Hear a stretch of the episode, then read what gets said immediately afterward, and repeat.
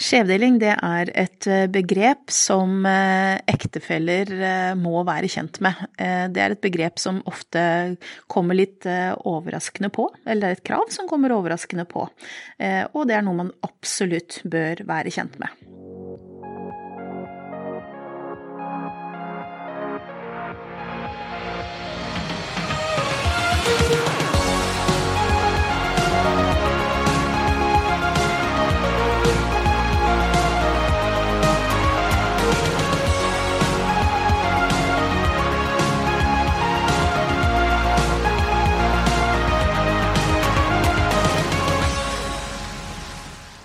Velkommen til Tennencast, Tennenkast, en eh, podkast som tar for seg ulike temaer innenfor eh, familie og arv. Og her i dag er som vanlig advokat Kristen Agrup. Hei. Advokat Hanne Skrom. Hei, hei. Og meg selv, advokat Lene Marie Aas Torstensen. Vet du hva, nå er det desember, vi burde jo egentlig hatt en sånn julespesial. Eh, og hva passer vel egentlig bedre da enn å snakke litt om eh, skjevdeling? det er jeg litt usikker på. Jeg er litt usikker også. Midt oppe i pepperkakebaksten og det hele. Ja, det eneste assosiasjonen er at eh, det kommer ofte overraskende på. Eh, og, og, sånn som jula? Ja, det kommer som jula, og man bør vel egentlig eh, være noe man Det er noe man bør være forberedt på og være kjent med. For, ja, I hvert fall vite hva er. Vite hva er. Men hva er skjevdeling, Anne? Nei, altså, hvis vi begynner med utgangspunktet, da, så er det jo sånn at for, eh, for eh, ektefeller så er det viktig å vite eh, hvordan skal formuen mellom ektefellene deles ved et brudd, enten ved, ved, ved, skilsmisse eller ved død. Det har vi snakket om mange ganger før i tidligere episoder. og utgangspunktet for ektefeller er jo at man har formuesordningen felleseie. Og felleseie innebærer jo at formuen skal deles likt mellom ektefellene, som et utgangspunkt. Mm. Og når du sier utgangspunktet, så er det fordi hvis man ikke gjør noe spesielt, så er det det man får. Ja, Bare gifter seg uten å gjøre noe spesielt, så, så har man felleseie. Ja, så man må lage en ektepakt hvis man ønsker noe annet enn den felleseieordningen, da. Eh, og som jeg nevnte, så er jo da likedeling et utgangspunkt. Og skjevdeling, som er dagens tema, det er jo et unntak fra dette utgangspunktet. Og skjevdeling innebærer at uh, hvis man har verdier med seg inn i ekteskapet som er i behold på delingstidspunktet, eller man arver verdier under ekteskapet som er i behold på delingstidspunktet, så skal disse verdiene holdes utenom likedelingen. Så for eksempel hvis man gifter seg i 1980 og man har arvet en uh, familiehytte som ikke det er noe hjelp av, og så skiller man seg i år 2000, og man fortsatt har den hytta, så skal i utgangspunktet verdien av den hytta holdes utenom likedelingen, og så skal resten av verdiene deles likt. Og det vi ser er at det er overraskende for mange. For det er mange som tenker at eh, vi har ikke noe ektepakt, og ingen av oss har noe særeie. Særeie er jo verdier som skal holdes uten fordeling. Så alt det vi eier sammen, det deles likt. Og derfor er det litt sånn at eh, både ved skilsmisse, men også ved død, når man skal på en måte vurdere hvem av ektefellene som eier hva, så kan vi se at det gjør at den som lever lengst, eller den ene partneren ved en skilsmisse, er dårligere stilt eh, rent økonomisk enn det man, man trodde da i utgangspunktet. For mange tror at når de, mange sier når de gifter seg, så sier de ja, nå har jeg nå eier du halvparten av det jeg har, og så eier jeg halvparten av det du har. Idet man går inn i ekteskapet, så tror man at nå har, nå har alt blitt felles, på en måte. 50-50. Men det, det, stemmer jo ikke helt, da. Nei, og Vi ser ofte at det blir mange konflikter, triste konflikter egentlig, i, eh, ved eh, separasjon og skilsmisse, da, hvor man har hatt litt forskjellig oppfatning av hva som egentlig gjelder, og så, og så blir diskusjonene vanskelig å harde etterpå. Mm. Og det er jo også sånn med denne skjevdelingsregelen, det er en ganske sånn utpreget skjønnsmessig regel eh, så, som gjør at det er vanskelig bevisspørsmål eh, underveis. Eh, veldig ofte så har jo ting gått over lang tid. Kanskje denne hytta som Lene var inne på, kanskje den ble solgt, og så ble det kjøpt en ny hytte, og så ble den solgt, og så ble det kjøpt en båt, og så og en bil, og, og, så skal man da dele ikke sant, hva er i behold av den opprinnelige verdien av hytta. Sånn at det er litt vanskelig. For tanken er jo at hvis man har med seg verdier inn som fortsatt er i behold, så er det verdier som ikke er skapt sammen under ekteskapet, og derfor så skal de ikke deles. Men hvis de da enten er forbrukt, eh, fordi man har solgt hytta og reist jorda rundt, og så er pengene borte, så er jo resten som skal deles, skapt sammen, og da skal jo det deles likt. Fordi likedelingsreglene er jo basert på at man, man, man deler likt det man skaper under ekteskapet, uansett om man tjener mye eller lite, eller hvordan eh, formuen er da, under ekteskapet, mens det man da enten arver eller uh, har med seg inn, det, det, skal man egentlig ikke dele. Men da er jo kravet at det skal være i behold, og det er jo det bevisspørsmålet som er veldig utfordrende, da. For uh, Høyesterett har jo uttalt seg om det, og, det uh, Høyesterett har gitt uttrykk for, er at det, skal ikke være tvil om at den formuen man ønsker å holde utenfor, stammer fra uh, enten arv mottatt, eller arv eller gave mottatt under ekteskapet, eller verdier man hadde med seg inn. Og det er jo her sant, et bevisspørsmål. Og sånn som du nevnte, Kristen, det der med ombytning, da. At man har med seg noe inn, og så selger man det, og så kjøper man noe nytt. Eh, og dette er eh, opprivende og kostbart eh, i en konfliktsituasjon. Og det tar ofte lang tid før man klarer å lande et skifteoppgjør der hvor man må rett og slett gå gjennom økonomisk dokumentasjon mange år tilbake i tid da, for å finne denne røde tråden. Og det er på en måte noe man Det er en situasjon man kan lett unngå eh, ved at man f.eks. Eh, kaller det særeie ved ektepakt. At man tar bevisst stilling til hva som skal holdes uten fordeling ved, ved skilsmisse. Eh, og det gjør jo også at det blir mer forutberegnelig for partene ved et skilsmisseoppgjør, da.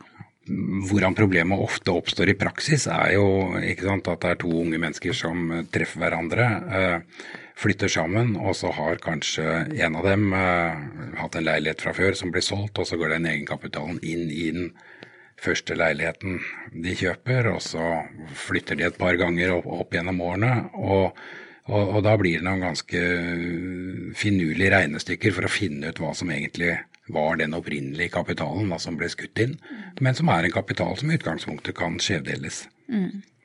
Og så er det um, Du nevnte jo at det var mitt eksempel, Kristen, men det var jo egentlig Hanne sitt eksempel, dette med denne hytteeiendommen uh, som kom inn. Uh, og da nevnte du, Hanne, at det var en eiendom uten gjeld. Eh, og det er også eh, et viktig poeng, fordi at det er et verdsettelseskrav. Det vil si at eh, hvis man har med seg en hytteeiendom inn i ekteskapet, og denne hytteeiendommen er delvis belånt, si f.eks. at halve verdien av hytteeiendommen da, er belånt, så har man ikke med seg hytta inn. Eh, hele verdien. Da har man bare med seg verdien av halve hytta inn i ekteskapet. Eh, og det betyr at eh, dersom man da gjennom ekteskapet betaler ned på, på dette lånet, så kan man ikke kreve skjevdelt hytteeiendommen. Da er det bare halve verdien av hytteeiendommen man kan kreve skjevdelt av.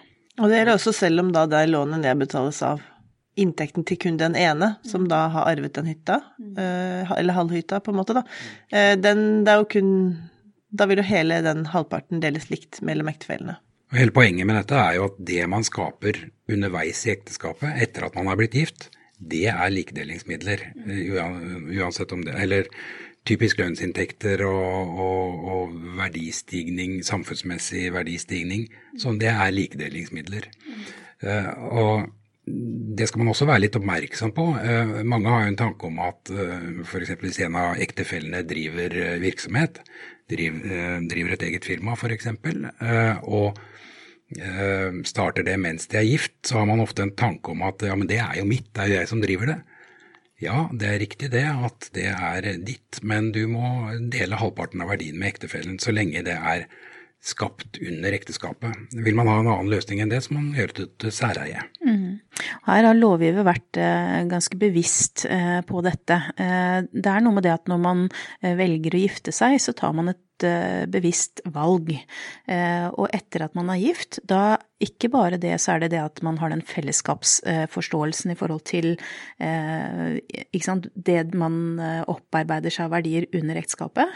Hvis den f.eks. den ene er hjemme og passer barn, og den andre er ute og, og tjener penger, så er dette et fellesskap. Dette har disse ektefellene tatt et bevisst valg på. Og da skal begge ektefellene ha gode av verdiene som skapes.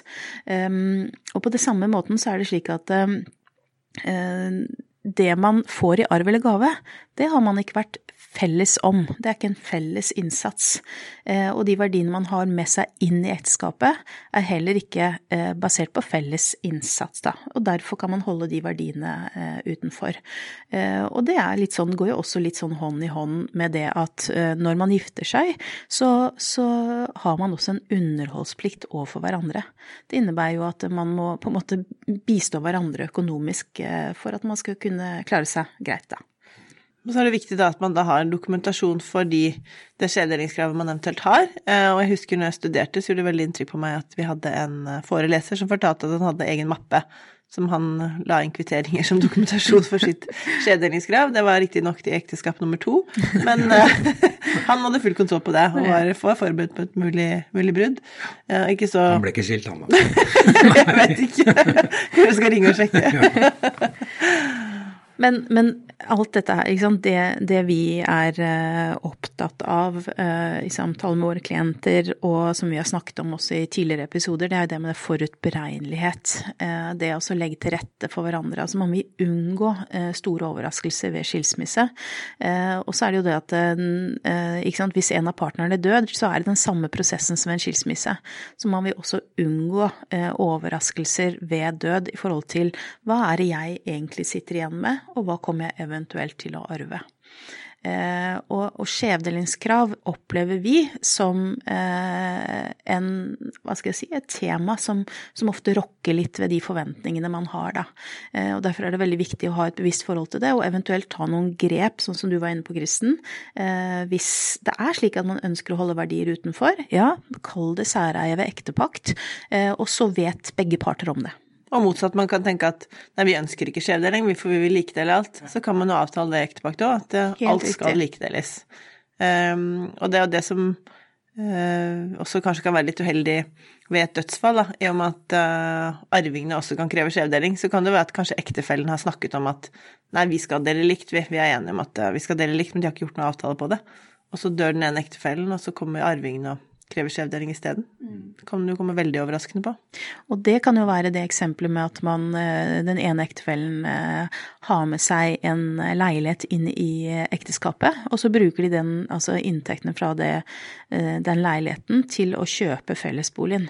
Og så kan man plutselig komme i en situasjon hvor da arvingene sier at ja, men vet du hva, pappa hadde med seg den eh, leiligheten inn i ekteskapet. Eh, den verdien er i behold fortsatt i den boligen dere har nå, så derfor krever vi skjevdelt eh, størsteparten av verdien av den boligen inn i boet til far, da. Og da kan det være mindre å rutte med for lengstlevende ektefelle, og kanskje vanskeligere da å kunne sitte igjen med fellesboligen. Mm. Og barna har ofte heller ikke sånn full oversikt over for, altså, økonomien til foreldrene og hvordan den eventuelt er sammenblandet osv. Det er det ikke alltid det er så god oversikt om, så da kan man få saker som er, starter egentlig på misforståelser. Da. Ja, ikke sant. Og så er det jo ofte det at eh, den første som dør, har kanskje særkullsbarn. Eh, så det kan jo også få en betydning i forhold til eh, interessen til arvingene, ikke sant. At hvor, hvor formuen plasseres hen, da. Nå har vi jo spilt inn en egen episode som går på det med, med særkullsbarn, og hva, hva, betydningen av det. Men, men, det er verdt å nevne. Så, så, i den grad man kan, så, så bør man ta kontroll når man har, sitter med hendene på rattet og, og få dette dette her nedfelt i, eh, i, riktige avtaler. Men nå er vi inne på død, da. Eh, så har vi jo liksom nevnt det at eh, det med skjevdelingskrav det får en betydning i prosess nummer én. Hvem eier hva? Og når man har da funnet ut av hvem av Eller hva avdøde eier, da, så skal man jo se på hvem arver hva. Og her kan jo også da skjevdelingskrav få en betydning i forhold til det å uskifte bo, f.eks.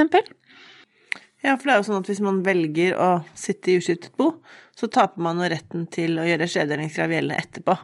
Så det betyr at hvis den som um, Hvis enten den som, som er død, eller lengstlevende har et skjevdelingskrav, og man velger å sitte i uskiftet bo, så skal da felleseie deles helt likt når lengstlevende dør. Så hvis lengstlevende har et betydelig skjevdelingskrav, så må man jo vurdere om ønsker jeg å, å tape dette kravet for arvingene mine, eller ønsker jeg å beholde det. Så den vurderingen må man gjøre før man, man velger å sitte i uskiftet bo. Og, og, den vurderingen blir jo viktigst hvis man ikke har de samme arvingene under seg. Eh, hvis ikke så spiller det litt mindre rolle, da. Mm. For det er jo sånn at skjevdelingsmidlene de går inn i uskiftebo. De kan man sitte i uskifte med, i motsetning til særeimidler. som mm. man i utgangspunktet ikke kan sitte i uskifte med hvis ikke man har avtalt det. da. Mm. Så hvis man sitter i uskiftet bo og sier arver en rik onkel i Amerika, da, plutselig så arver man 20 millioner, eh, hva skjer da? Ja, Da kan man fortsette å skifte. Ja. Men hvis ikke man gjør det, så går det inn i uskifteboet. Og skal deles uh, likt med, mellom begges arvinger da til slutt. Og der er det noen tidsfrister, så det er greit å være kjent med det. Hvis man skulle være så heldig å arve en uh, ukjent, rik onkel i Ja, kort frist. ja, kort frist, det er det. Um, og så er det litt sånn uh, en myte, da. Det er jo ofte det at um, Det samme gjelder ved særeie, egentlig. Uh, når man har funnet ut av hvem som eier hva, så er det mange arvinger, eller barn som tror at ektefellen ikke arver særeie, eller også da eh, skjevdelingsmidler. Men sånn er det jo ikke. Nei, fordi både skjevdelingsmidlene og særeie inngår i det som eh, den eh, mor eller far etterlater seg, eller ektefelle. Og det er jo den, den totalkaka da, som avdøde etterlater seg, som skal fordeles etter arvelovens regler eller etter et testament. Da. Og en ektefelle har jo krav på en fjerdedel, hvis man har livsarvinger også. Og den fjerdedelen har man krav på både av særeie, felleseie og skjevdelingsmidler. Ja. Så det betyr at eh, ektefellen vil jo ha krav på noe av disse skjevdelingsmidlene, men, men eh, vil da ikke kunne sitte igjen med halve verdien som sitt før arv skal fordeles, da. Mm. Og det er i dødsfallssituasjonen. I skilsmissesituasjonen så får jo ikke ektefellen noe av skjevdelingsmidlene. Nei, det er det ingenting. Ja, altså, dette var jo ikke akkurat passende tema til en julespesial. Vi ta det opp igjen i januar. Ja, jeg tror det. Er det kanskje sånn rent oppsummering, da? Eh, hva er det viktig å gjøre hvis eh, man skal unngå eh, skjevdelingskrav, eller hvis man ønsker å holde verdier utenfor deling? Jeg tenker det viktigste er å være bevisst i forhold til de verdiene man tar med seg inn i ekteskapet eller arver, og kanskje i den situasjonen som man er bevisst på det. Sette seg ned, ta en prat om det, og vurdere om man skal lage en ektepakt og bli enige om at det skal være særeie. Eller at det ikke skal være skjevdelingsmidler, men at man har en bevissthet rundt det, så begge parter i det forholdet er helt bevisst på hva dette innebærer for begge to. For da blir det ikke noe overraskelse for noen. Det høres ut som eh, en gavepakke i forhold til eh, både penger og tid, eh, og ja, altså store konflikter både ved skilsmisse og ved død. Mm. Takk for nå. Takk for i dag. Takk. Ha det.